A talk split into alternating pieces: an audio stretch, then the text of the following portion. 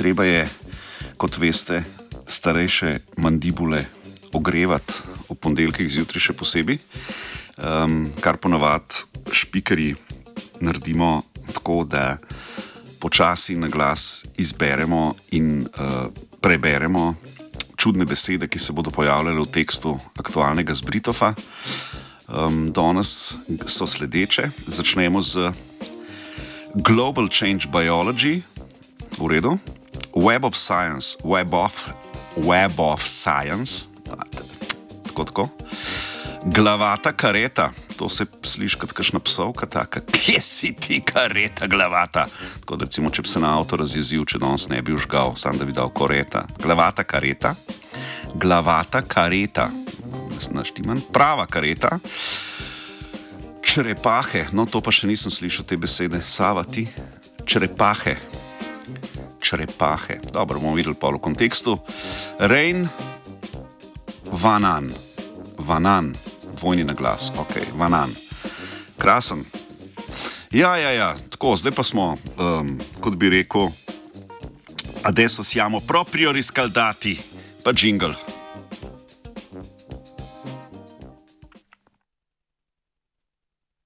Sei, sei, sei, sei, sei, sei, sei, Radio Student. Three, two, one.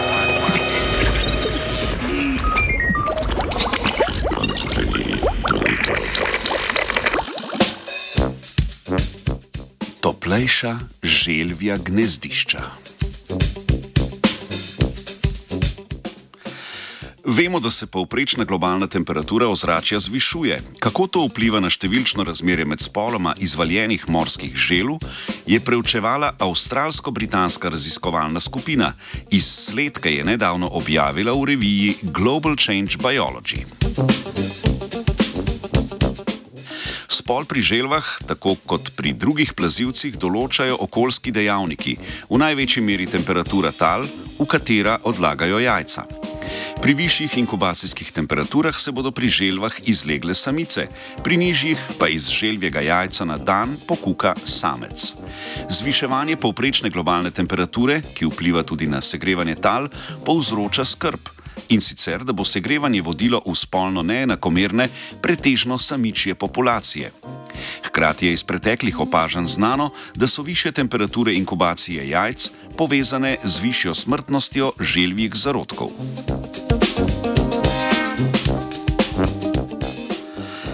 Znanstvenice in znanstveniki so preučili podatke o 64 gnezdiščih sedmih vrst morskih želv po svetu. Podatke o številčnem razmerju med spoloma ob izvalitvi so iskali v znanstvenih člankih podatkovne zbirke Web of Science. Nadalje so podatke o segrevanju ozračja za obdobje med januarjem 1960 in decembrom 2022 pridobili z Ameriškega nacionalnega inštituta za atmosferske raziskave. Izračunali so dvig povprečne mesečne temperature zraka v obdobju gnezdenja za izbrano obdobje 62 let.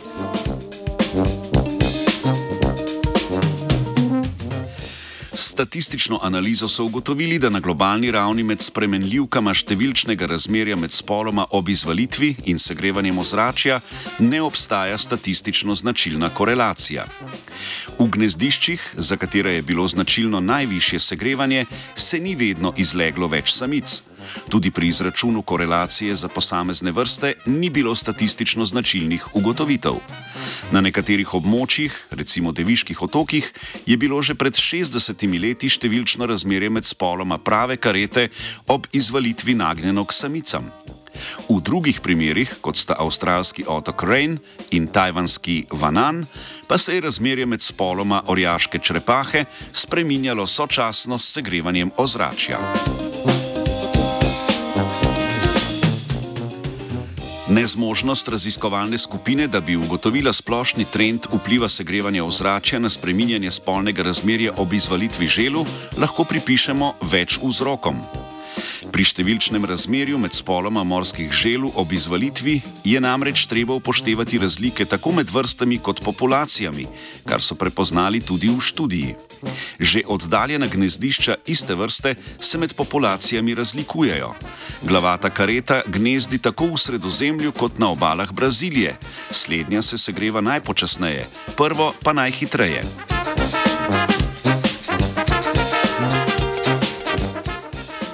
Pri poskusu napovedi trendov je prav tako pomembno upoštevati sposobnost prilagoditve morskih želv na segrevanje ozračja. Pri nekaterih vrstah smo že zabeležili spreminjanje gnezdilnega vedenja. Za odlaganje jajc izbirajo bolj senčne lege. Vseeno raziskovalna skupina predlaga, da je gnezdišča na območjih hitrejšega segrevanja, v raziskavi so pokazali, da so to gnezdišča zmernih geografskih širin, smiselno prednostno ohranjati in omiliti spreminjanje inkubacijskih pogojev želvih jajc. Z želvami se ni izlegla Klara.